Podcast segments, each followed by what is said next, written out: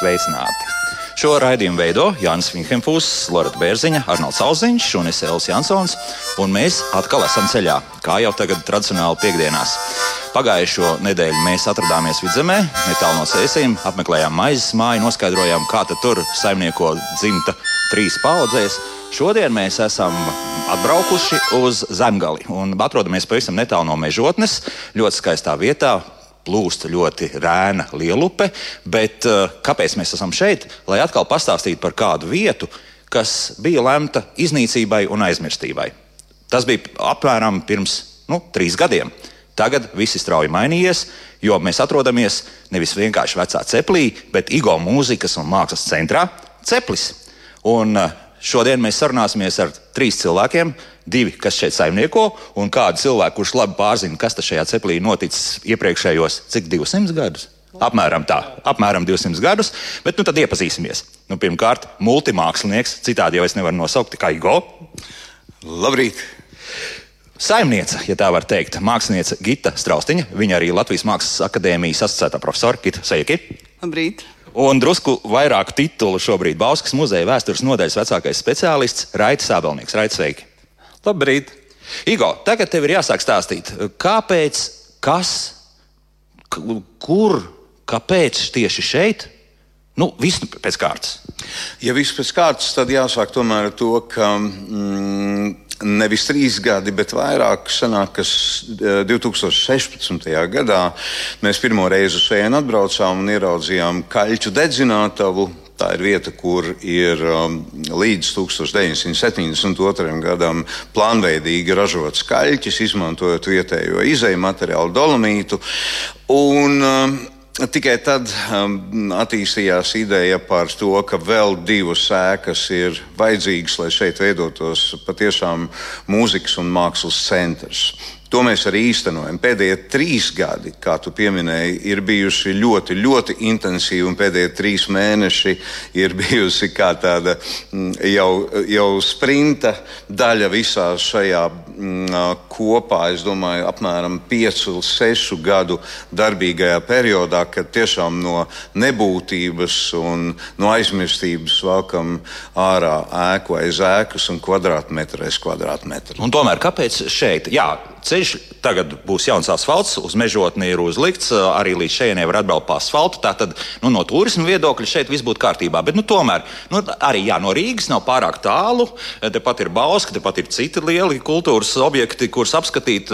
Tas nospēlē kaut kādu lomu, vai, vai tiešām vēl kaut kāda maģija, vai kas cits te vēl ir blakus. Šeit ir maģija. Noteikti mēs mm, jūtam to, ka cilvēki brauc uz. Uh, cepli, ietverot to savā kopējā maršrutā. Par to, kā tas notiek ikdienā, varētu labāk pastāstīt Gita, jo viņa reāli pieņem šos pieteikumus ekskursijām, kas nāk no visas Latvijas un būtībā tiek pieteikts jau mēnešiem iepriekš. Gita labāk zinās. To druskuļi vēlāk, Gita, drīkst. Ja? Es tomēr vēl gribētu pajautāt, nu, protams, Nu, Tātad šeit bija pilnīga iznīcība. To mēs varam redzēt arī fotografijās, kas te ir mm, publicētas ja, un pieliktas pie sienām. Nu, nenolaidās uzreiz rokas, ka nu, to viss nevar pacelt. Rokas kļuva par spārniem. Nē, nu, mm, ir tā, ka šķirstot tagad um, uh, datorā um, 16., 17., 19., 20. gadā uzņemtos uh, fotomirkļus. Brīžiem likās, un tādas pārdomas iestājās, vai es būtu gatavs tagad ķerties tam visam klāt. Jo nu, iespējams, ka tomēr.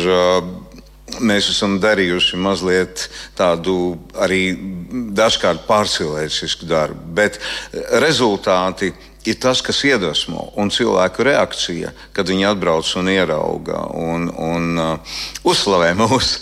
tas iedrošina iet tālāk. Gita, radoša vieta, vai, vai tomēr tas ir vairāk turisms? Kas tas ir? Vai, vai jūs šeit radāt? Nu, mēs noteikti radām. Jo turisms tas ir tā pakārtot īstenībā. Nu, mēs esam priecīgi uzņemt šeit cilvēkus un sarunāties ar viņiem, redzēt viņu sejās pārsteigumu, bet arī es domāju, mēs iedvesmojam citus radīt un sakārtot vietu. Jo uzreiz cilvēkiem ir stāsts par, jā, mums ir arī savna lauku sēta vai īpašums vai kaut kas tāds. Kā jūs to darat? Mēs tādā saprotam, ka mēs arī varam. Vai, nu, tādā veidā es domāju, viņš šī tāda ķēdes reakcija, es ceru, kas, kas iet arī tālāk, tas, tā aizrautība. Un, un, jā. nu, bet būsim godīgi, nu, Igo vārds tomēr ir spēlē savu lomu. Es domāju, ka jā, bet uh, tas ir arī iedvesma, iedvesmas līmenī. Jā, kā, kā, kā cilvēks ar saviem spēkiem vai savu radošumu, kā viņš spēj iedvesmot citus, un, un katrs mēs varam arī nest tālāk to ziņu un to spēku. Mēs eh, vēlāk pārvāksimies uz vienu citu ēku. Igo, varbūt arī raksturojums, kas šī ir par ēku, kur mēs šobrīd atrodamies. Jā, es teikšu to, ko es zinu, un tad es domāju, ka būs pienācis laiks arī raidījums stāstīt. Tātad manā informācijā mm, ir šāda, manā, man ir šāda informācija. Šeit kādreiz šī ēka ir bijusi vajadzīga kartupeļu cietas ražotnei. Tad 40. gados bija iespēja un šeit ievietoja tehnika, ar kuras palīdzību varēja ražot krāsnes podiņu. Vēlākos gados šeit bija kopmītne, un diemžēl mēs šo ēku jau iegādājāmies ļoti, ļoti dramatiskā un bēdīgā stāvoklī, bez neviena izdarīta loga ar cauri jumtu un krūmiem, kas auga ēkas iekšienē. Tad jumts arī bija Tāds nosacīts, ja? Ļoti nosacīts. Šeit viss bija ļoti nosacīts. Nu, tagad es domāju, ka jūs noteikti, mīļie radioklausītāji, ja jums pieejams internets, pēc kāda brīdiņa varēsiet redzēt arī fotogrāfijas, vēlāk arī Facebookā būs viss safilmēts, kā tad šeit ieš, iekšā izskatās. Nu, te ir, protams, māksla valde. Ja? Tad, tad nav nekāds eiro remonts taisīts, ir šur tur mēs redzam vēl tos pašus ķieģeļus, vecu apmetumu, un tā tas arī paliks visdrīzākais. Ja? Ir doma, ka, ka šeit mēs, protams, apvienosim seno un, un būs veselas sienas, kuras mums dvēsīs pretī nu, tādu simtgadīgu vēsturi. Un būs, protams, arī modernas lietas, bez kurām šodien neiztikt, lai šeit notiktu mm, izstādes, lai šeit varētu cilvēki dzīvot un, un muzicēt. Tā kā Domāju, ka tā būs tāda ļoti interesanta vieta, kurā senais satiksies ar ļoti mūsdienīgo. Mhm. Koncerts šeit notiek? notiek. Ik pa brīdim mēs šeit arī muzicējam. Es pats šeit uh, mēģinu pārsteigt uh, savus viesus un ekskursantus. Mm, šeit pārsteigumi gadās pat trīs, četras reizes dienā. var tā notikt. Ja?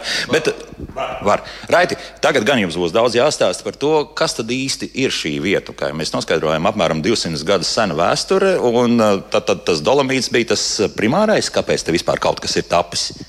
Nu, vispār šeit Lielupes krastos ir arī labs māls, arī no seniem laikiem jau to izmantoja kopš uh, sākās ēku un piļu būvniecība, arī Bauskas pilsēta lielākoties ir no sarkaniem ķieģeļiem vietējā māla ražojuma tapuši, bet uh, moderna tāda ķieģeļu fabrika un kaļķu ceplis šeit tapa, nu tā var teikt, pirms 150 gadiem. Mežotnes mūžas īpašnieks Firsts Anatols Līvens 1888. gadā sāka šeit celt ķieģeļu cepli. Un uh, pēc gada jau ražoja pirmo produkciju. Un, teiksim, 20. un 30. gados nu, Bauskas apriņķī šis bija lielākais uzņēmums pēc strādnieku skaita. Kādi 60 strādnieki šeit bija. Un, uh, tad joprojām Anatols Līvens bija arī īpašnieks. Un, uh, viņš bija ļoti apsviedīgs. Lai nu mužnieks, bet mužnieki bija ļoti daudz arī tādi pietiekami progresīvi, ieguvuši ļoti labu izglītību, un viņš bija prasmīgs saimnieks. Un, tāpēc viņš pacēla, var teikt, vēl augstākā līmenī šo fabriku. Uh, nu, šeit, kad ķieģeļus ražoja, viņam bija uzstādīta moderna ķieģeļu ražojamā mašīna, kura tur samīcīja tos, tos malus automātiskā jau režīmā un izgatavoja stundā 2000 ķieģeļu. Senāk to darīja visu ar rokām, ar tādu kā koka kastīti, ja taisīja tos ķieģeļus. Tad jau bija 30. gados šī ķieģeļu mašīna modernā, kuru vēl pēc okupācijas vēl pārdesmit gadus noteikti vēl lietoja, jo nu, analogu gandrīz Latvijā citu nebija tādu. Tātad kaut kāda konkurenta lodei viņi šeit bija, ja? nu, lode ir krietni jaunāks uzņēmums arī. Mals it kā lodē labāks, vai ne, un, un tur tie apjomi krietni lielāki. Nu, piemēram, 30. Gados lielajā cepļa krāsnī vienlaicīgi apcepšanai ielika 100 tūkstošu ķieģeļus. Jā. Tas jau ir nu, ļoti pieklājīgs skaits arī. Un tā apcepināšana ilga 8, 9 diennaktis. Tas ceplis tika kurināts arī. Un šis ceplis nav saglabājies? Nu, diemžēl nav saglabājies. Tas ir gājis jau zudumā. Bet... Dūmenis ir. Ja? Nu, skurstenis ir palicis, jā, dūmenis arī uh, nekūp vairāk, bet uh, nu, katrā gadījumā uh, jau no laba attāluma viņu var redzēt. Ja kāds nezina, nu, tālu vai nav tālu līdz ceplim, tad, kad pamana šo skursteni, skursteņa galu, tad var saprast, ka tādā virzienā ir jādodas. Un... Vai nu jāgriež pa kreisi, vai pa labi, no kuras puses brauksim. Ja? Nu, tā sanāk, vai jābrien pāri lielupei, vai jāpārceļās ar laivu. Bet Igo, ik pa brīdim tur kaut kādi dūmi tomēr ir. Ja? No šī milzīgā skursteņa nāk. Jā, par to arī uh, grāmatas, jaunās grāmatas autors Jānis Rupkus uh, ir rakstījis uh, arī virsrakstā, liekot šādu mm, visai vilinošu nosaukumu, kā mežotnes sepļa skurstenis aizvien vēl kūp. Tātad pirms mēneša mēs rīkojam grāmatas atvēršanas svētkus šeit pat seplī. Un, nu jā, tur tādi vietējie darboņi reizi gadā ap Jāņiem uh, kaut ko aizsākt aizdedzina. Tad, Labi domājoši. Ja? Jā, un tad mums ir ilūzija, ka viss turpinās. Bet uh, druskuļi aizskrienot notikumiem priekšā, tāpat jums krāsnes strādā. Nu, ne gluži lielais dūmens, bet uh, ir. Nu, jā, mums ir keramikas darbnīca un elektriskā, krā, elektriskā krāsnes pietiekami liela. Mēs šeit varam apdedzināt traukus un arī trauku dekorus sagatavot nu, pietiekami nopietnos 1200 grādos. Mēs varam apdedzināt. Ir tas strādā. Profesionālā tehnika mums ir. Jā. Tam nedaudz pieskarsimies nākamajā pusstundā. Un tomēr, kas nogāja greizi? Kāpēc šeit valdīja pilnīga pamestība un bezcerība?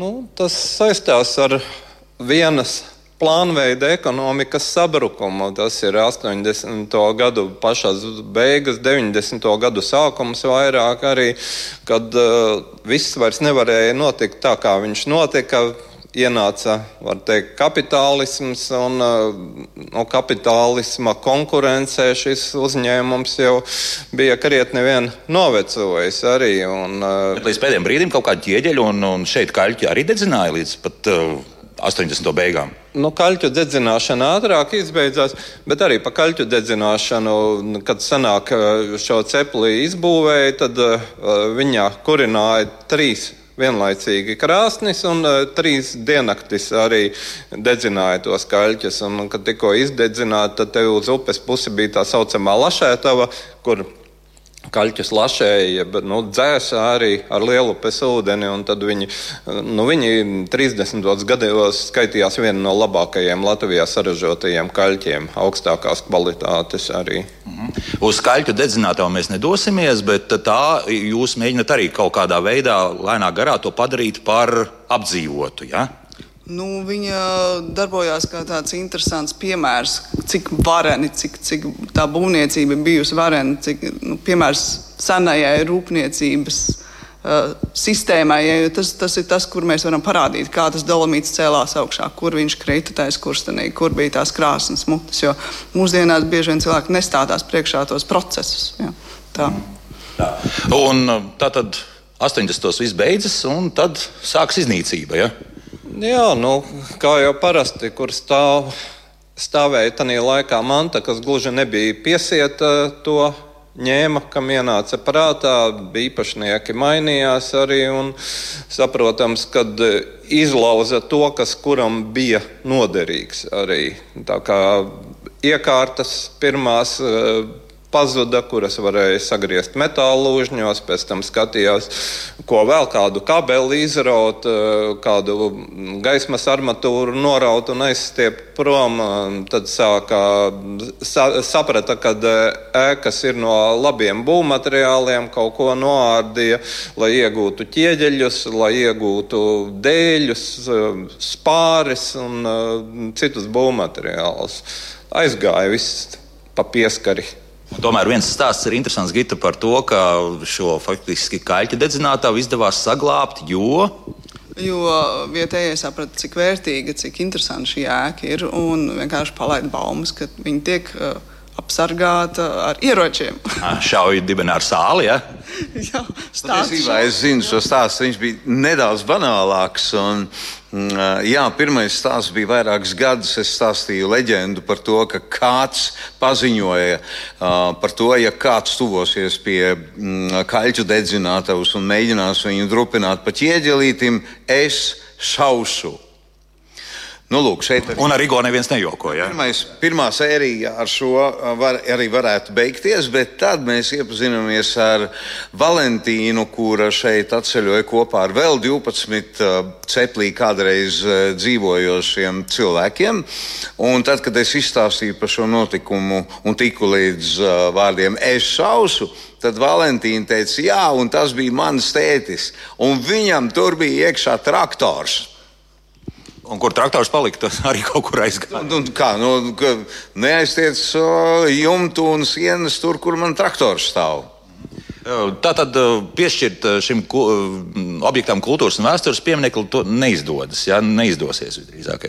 Nu, tagad jau izskatās ļoti cerīgi, ka to varētu izdarīt. Arī nu, senāk, ka, ja to neizdarīja, tad, kad viņš gāja zudumā, tad arī tādas domas pat īstenībā nevienam nerosinājās. Arī.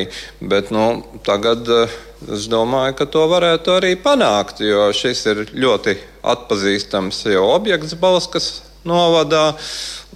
Tā kā Es domāju, īstais laiks iesniegt pieteikumu uz kultūras pieminekli, jo ir jau tāda kategorija arī, kas ir eh, kādreizējās ražotnes arī.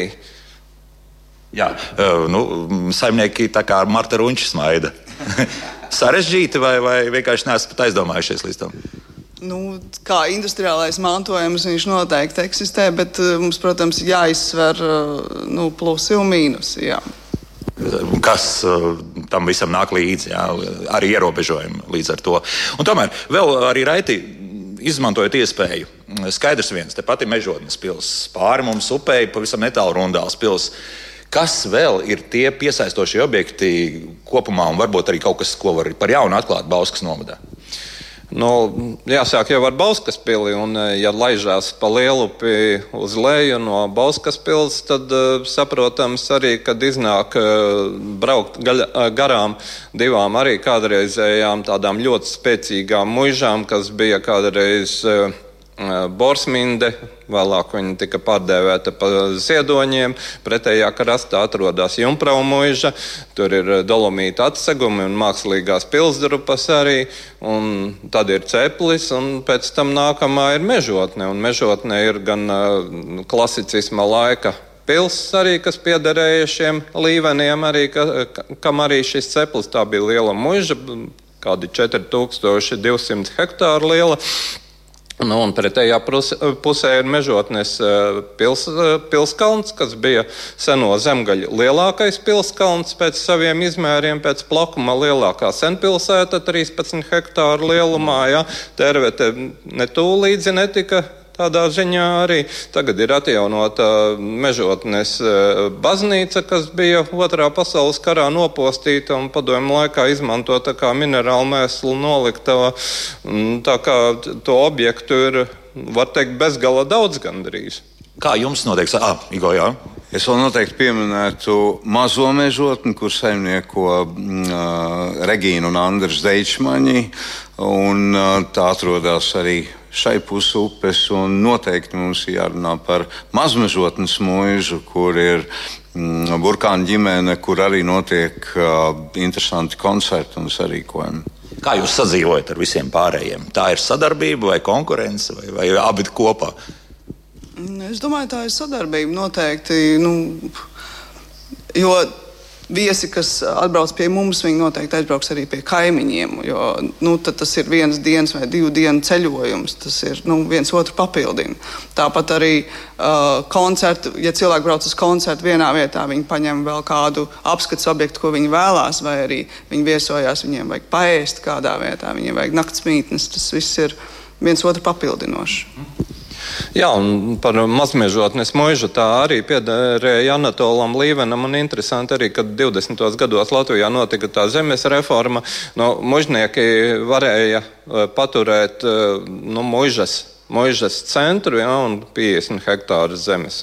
Nu, un, uh, šis Anatols Līvans it kā varētu paturēt arī lielo mežotnes pilī, bet viņš bija saimniecisks cilvēks un viņš saprata, ka ar 50 hektāriem zemes tādu lielu pili nemaz uh, tādu kārtīgu mūžu nevar uzturēt. Un viņš izvēlējās uh, mazmežotnes šo mužu, kas bija nu, tāda kā pusmuža iepriekš, un tur viņš arī iekopa priekšzīmīgu saimniecību, audzēja cukurbietes. Un, protams, ot, otrs objekts bija arī šis e, viņam ķieģeļu un kaļķu ceplis. Arī. Nu, tā, kā, tā kā viņš dzīvoja tādā mazmežotnes mužā, bet e, šeit bija tas galvenais ienākumu avots.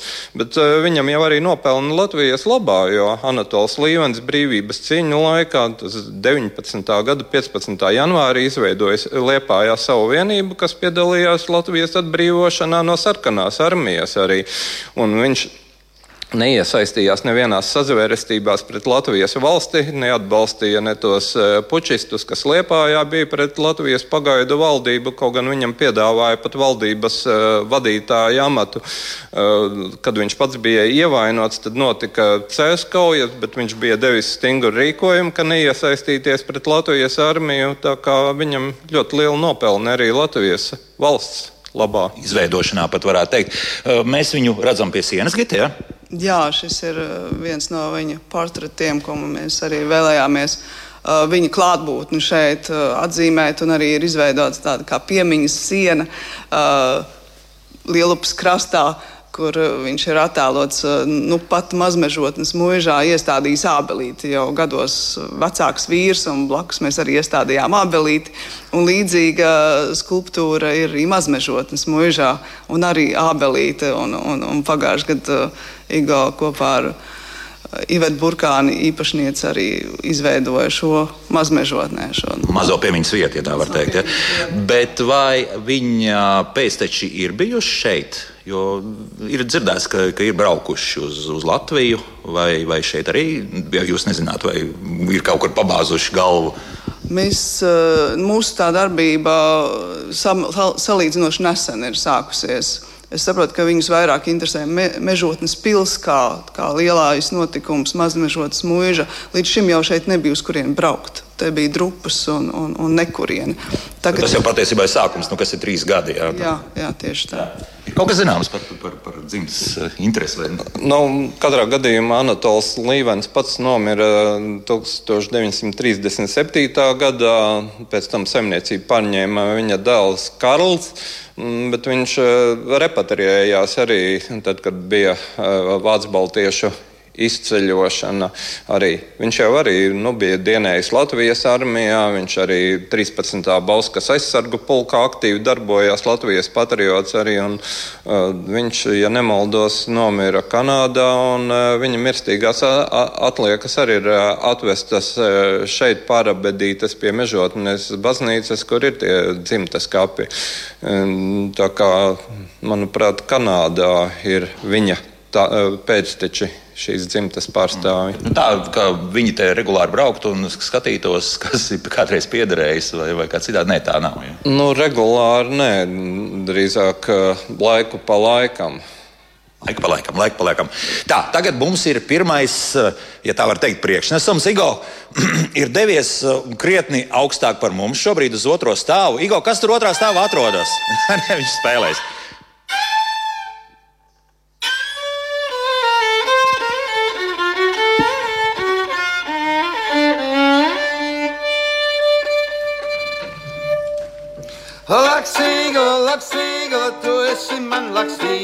Lakstīgala, lakstīgala, lakstīgala, tu esi man lakstīgala.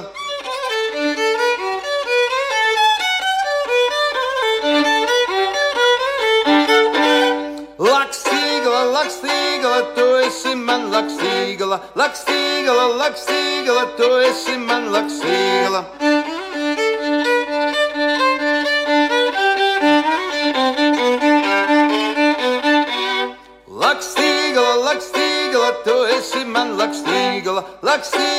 lakstīgala,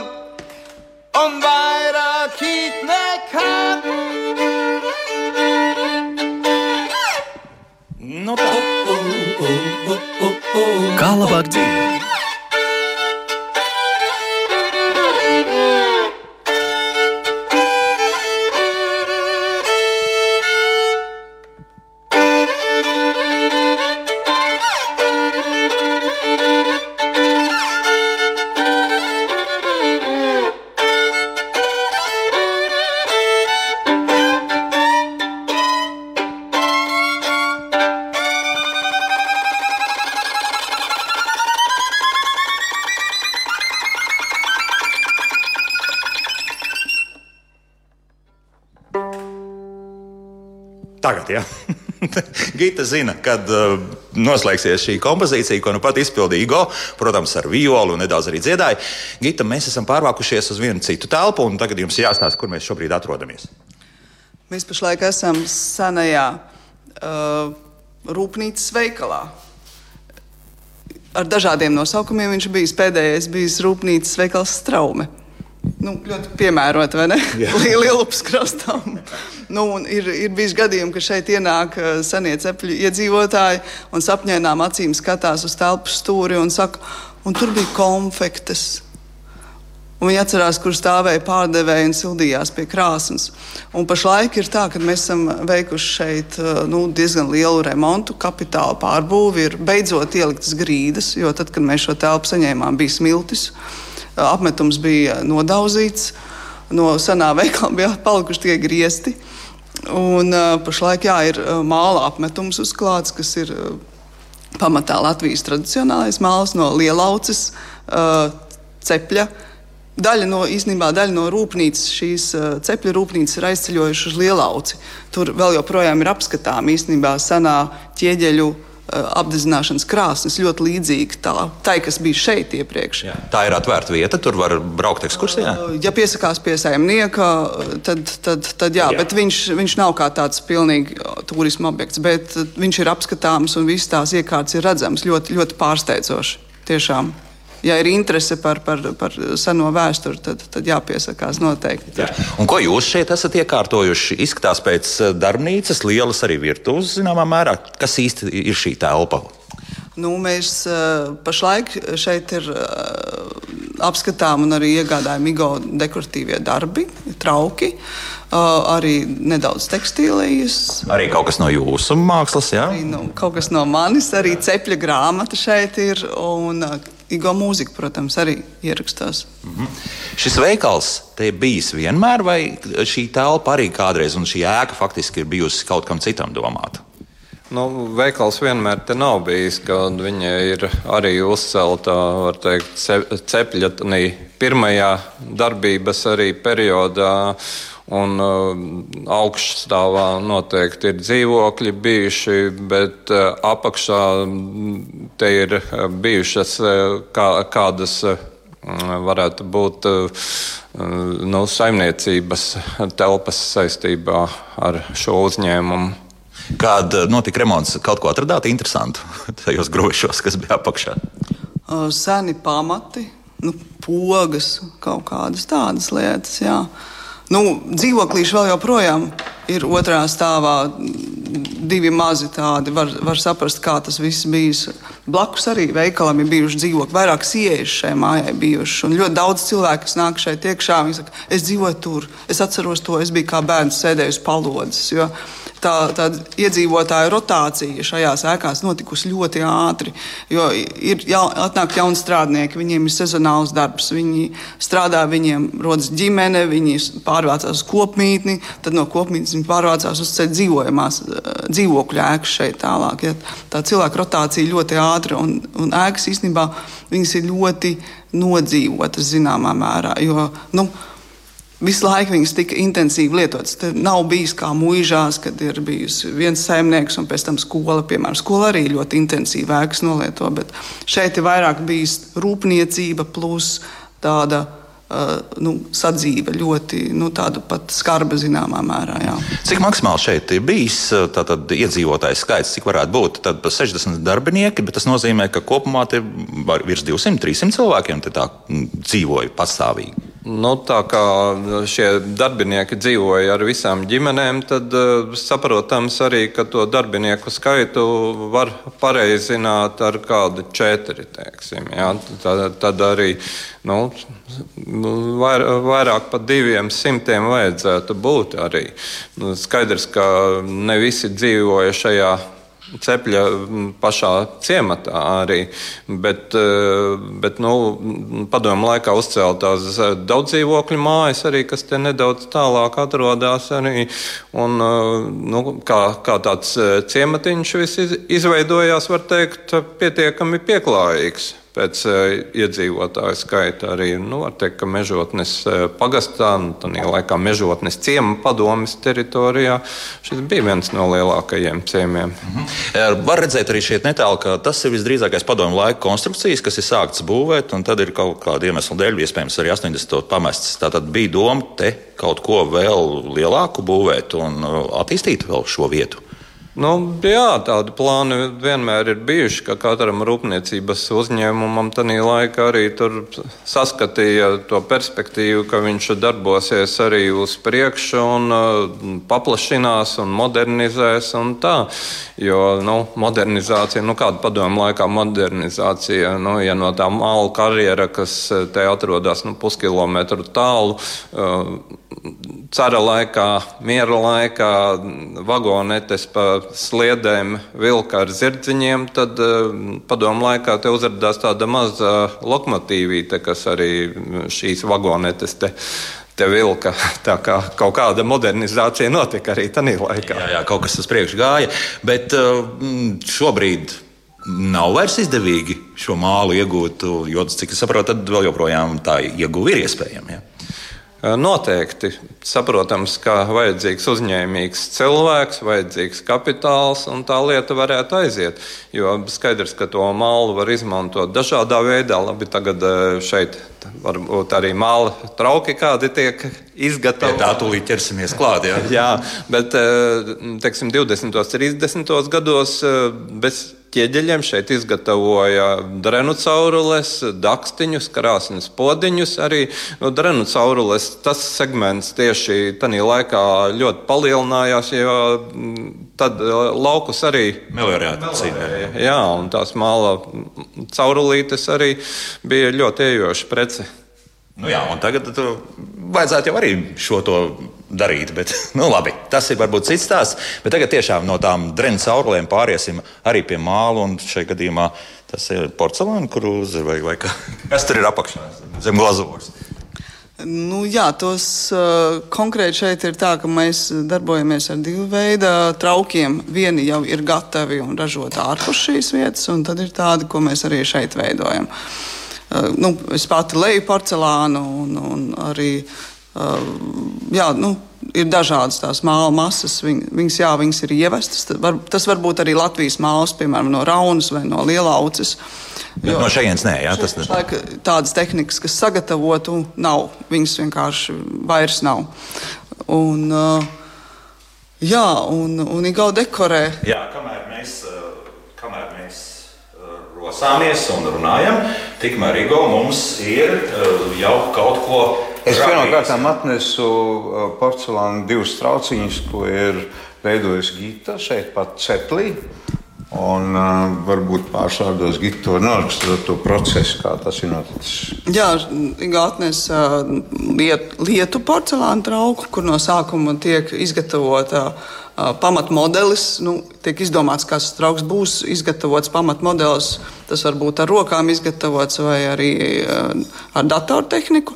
Tad tiek atlieta ģipša forma. Tad ģipša formā tiek lietas iekšā šķidrs porcelāns. Tad tas trauks tiek žāvēts, apstrādāts, tad uh, vienreiz apdedzināts, tad viņš tiek lazēts, tad viņš tiek otrreiz apdedzināts, tad viņš tiek dekorēts un tad viņš tiek trešoreiz apdedzināts. Un tas ir tas process, nu, diezgan ilgstošs. Un, un, un kaut kur pa ceļam tas trauks var saplīst, vai viņam rasties kāds defekts. Nu. Nē, viss sanāk, ja?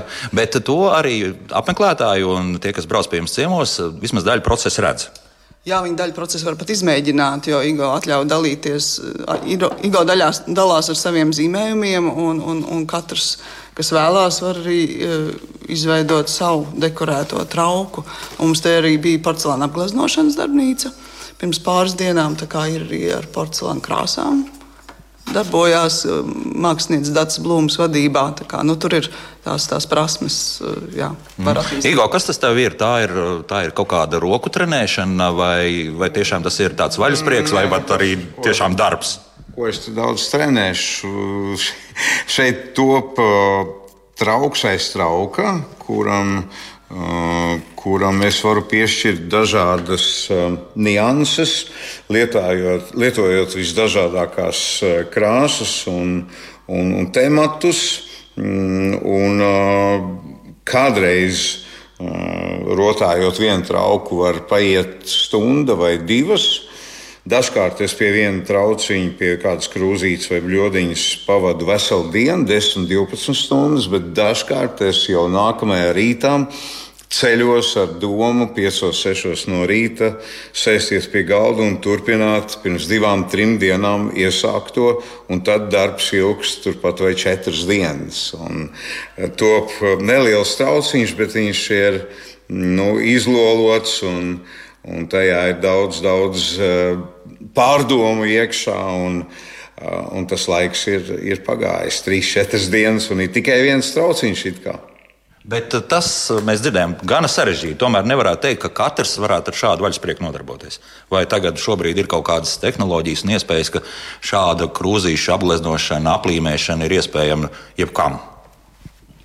Nu, tur ir vajadzīgs tomēr zināma priekšzināšanas, veiklība, arī nu, tas, tas tehnoloģiskais kaut kāds process, krāsnes. Nu, vai nu tu vienojies ar kādu, pie kura tu nesapdedzināt, jā, vai pats iegādājies par vairākiem tūkstošiem to tehniku. Nu, tas, tas, tas tomēr nav vienkārši. Gal, galīgi nav vienkārši. Bet tā, tad, tā ir nopērkama produkcija, vai, vai tas tiešām tīri vaļasprieks? Šādi? Mēs atrodamies šobrīd veikalā. À, tomēr tas arī veikals saucas. Kurš ir vaļā mm, piekto dienu. Lai tas tā notiktu, šeit ir noticis smags un nopietns sagatavošanās darbs trīs mēnešu garumā. Un, protams, ka lai šie trīs mēneši varētu intensīvi notikt kā remonta darbi, nu, pirms tam bija projektēšana, plānošana, saskaņošana un tā tālāk. Rezultātā mēs redzam šeit gan flīzes, gan māla apmetumu Mums ir eh, brīnišķīgi draugi un sabiedrotie, ar kuru palīdzību esam faktiski arī tikuši desmit soļus tālāk nekā bez šo draugu palīdzības un atbalsta. Kaut gan šeit nu pat viss izskatās, ka monumentāli pabeigts. Jā. Tā tas arī ir. Tā tas arī ir. Šeit vēl, ko mēs redzam, šī bijušā uh, vitrīnas loga vietā, kur mēs esam kā vienīgo šajā ēkā pagaidām atstājuši no padomju laikiem. Šeit būs izēja uz verandu. Tādēļ šis lokus uh, šobrīd mums vēl darbojās. Tas ir veikala lokus pēc būtības. Jā, jā bijušais uh, veikala lokus, kas 50. gados uh, šeit tika iekārtots. Te vēl bija veikala restes jā. jā, mēs sastapām daudzus brīnumus, dēles un durvis, kas aizbāztas logu ailēs priekšā. Konkrētajam milzīgajam šim logam bija vienkārši restes. Tad visu autentiskumu jūs nesaglabājāt. Ja? Jā, bez restēm. Uz fotografijām tikai.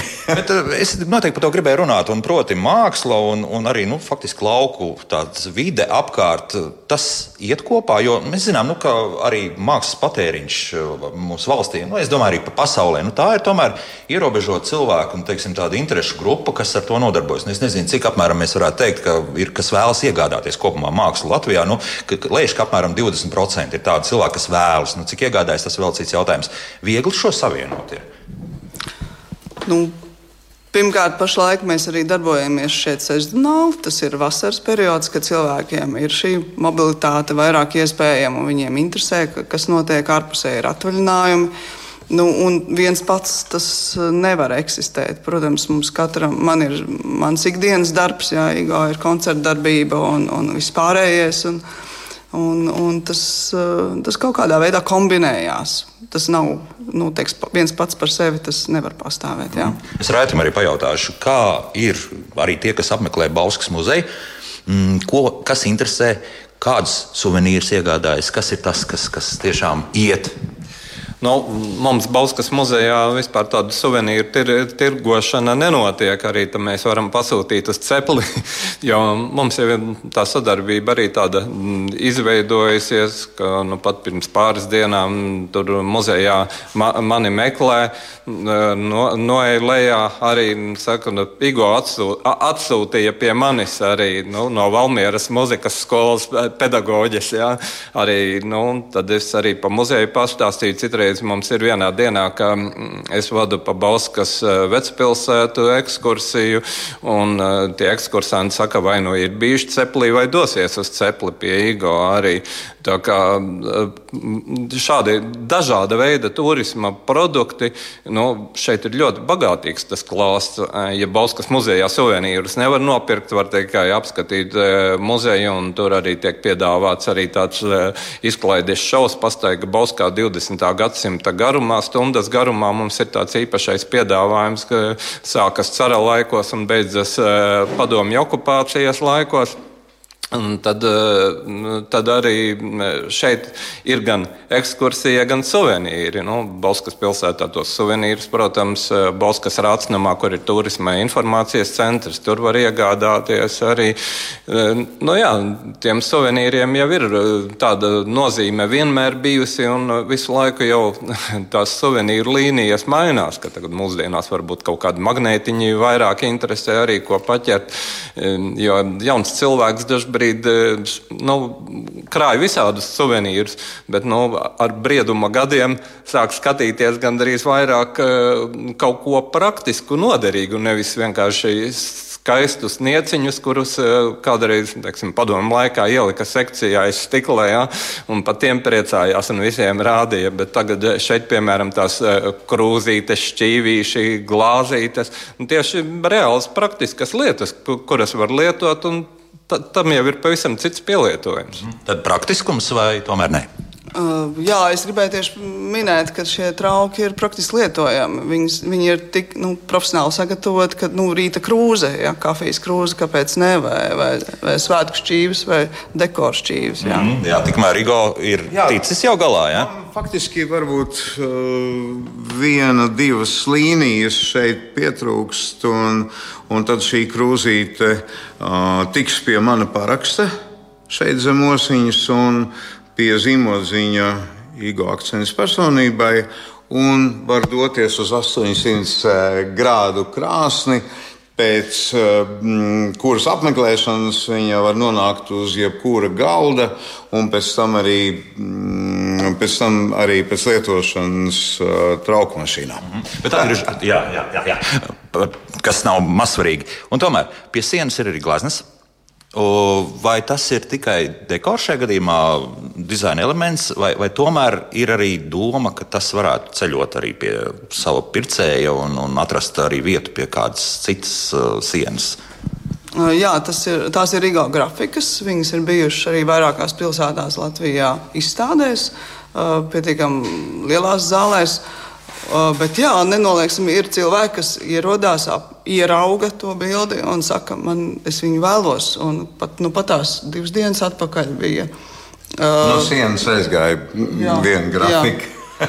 nu, tad, protams, mēs esam priecīgi, jo nu, tas, tas savstarpēji ir, ir prieks un, un arī iegūms mums, un, un atb arī atbalsts šai visai lietai. Jo visas tās finanses, kas šeit tiek iegūtas, viņas jau atgriežas sienās, plīzēs un, Jā. un, un darbinieku. Jo, kad es jautāju Igo, nu, cik tad tā nauda ir ielikt iekšā, tā ir ļoti dziļa aka. Es saprotu, jā, viss, kas tiek nopelnīts honorāros, viss arī šeit paliek. Šeit ir uh, mani nospēlētie koncerti, šeit ir pārdotie trauki, un šeit ir novadītās ekskursijas. Un ekskursijas pārsteidzošā kārtā, tad kopumā šī teritorija viens hektārs. Jā. Bet toties par šo hektāru var staigāt veselu pusotru stundu.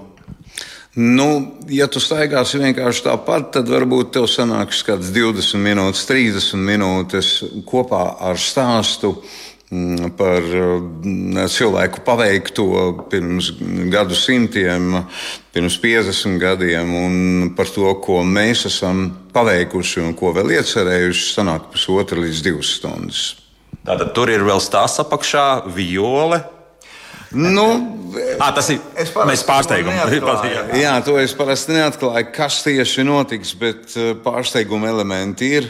Mm, Un cilvēki soli pa solim, rūpīgi, protams, uzmanīgi klausoties um, visu, par ko mēs ar Gitu stāstām. Jo dažkārt Gita vada ekskursijas, Gitai ir tieši tas pats informācijas daudzums, kas man. Mm, Un tāda ekskursija ir uh, garāka vai īsāka? Zini, El, uh, ja es esmu četras vai piecas reizes nostaigājis, tad es saucu Gitu palīgā. Jo ta, katra ekskursija ilgs pusotru stundu, tad faktiski tas ir pielīdzināms koncertam, kurā es nepārtraukti dziedu, tad šeit es nepārtraukti runāju, koncentrējos, mēģinu piesaistīt uh, klausītāju uzmanību.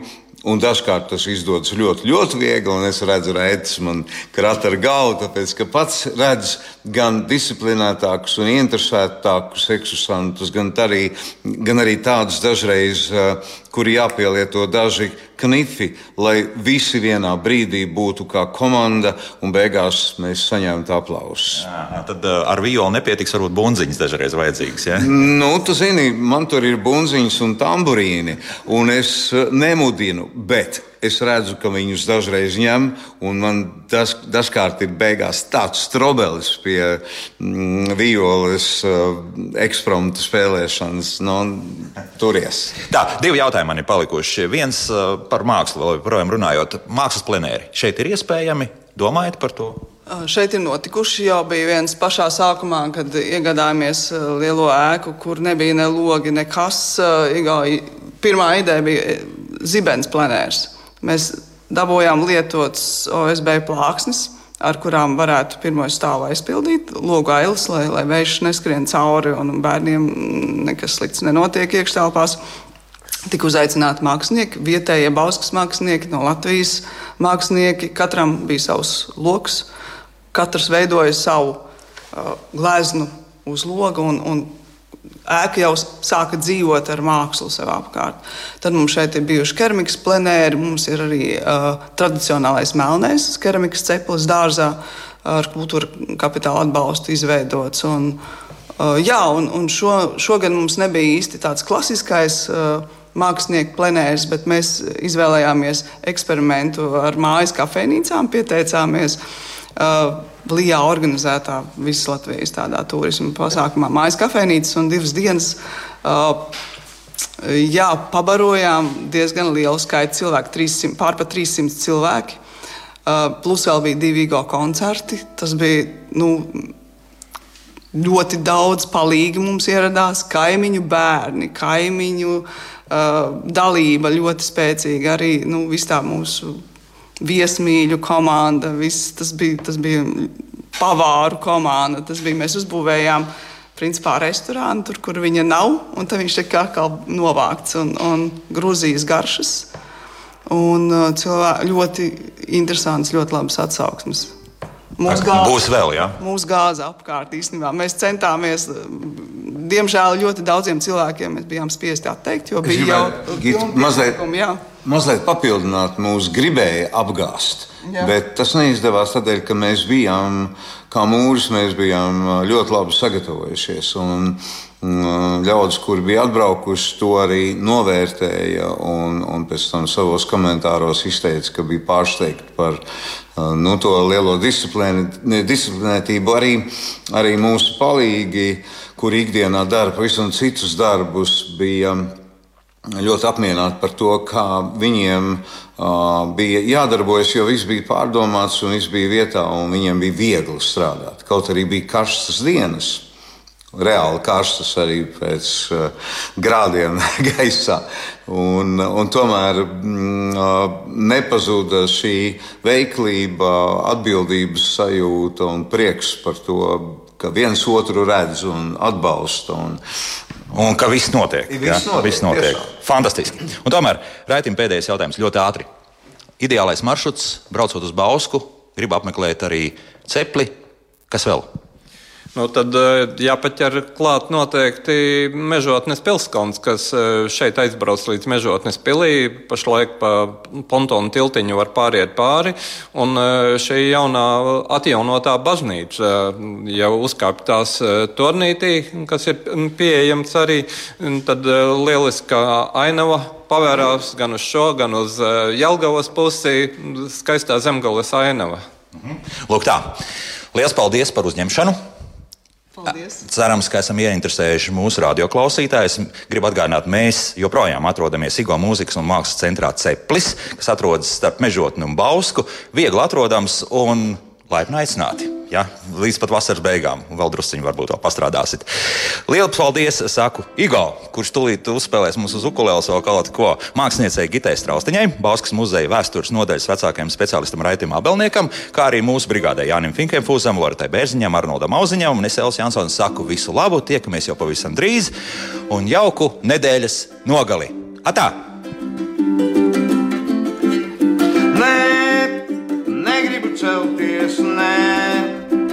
Nav kur steigties, nē, negribu celties, nē, šodien nav kur steigties, nē, nav kur steigties, nē, negribu celties, nē, nav kur steigties, nē, negribu celties, nē, šodien nav kur steigties, nē, nav kur steigties, jā, negribu steigties, jā, steigties, jā, negribu celties, jā, šodien nav kur steigties, jā, nav kur steigties, nē, negribu celties, nē, nav kur steigties, nē, negribu celties, jā, šodien nav kur steigties, jā, šodien nav kur steigties, nē, negribu celties, nē, nav kur steigties, jā, šodien nav kur steigties, jā, nav kur steigties, nē.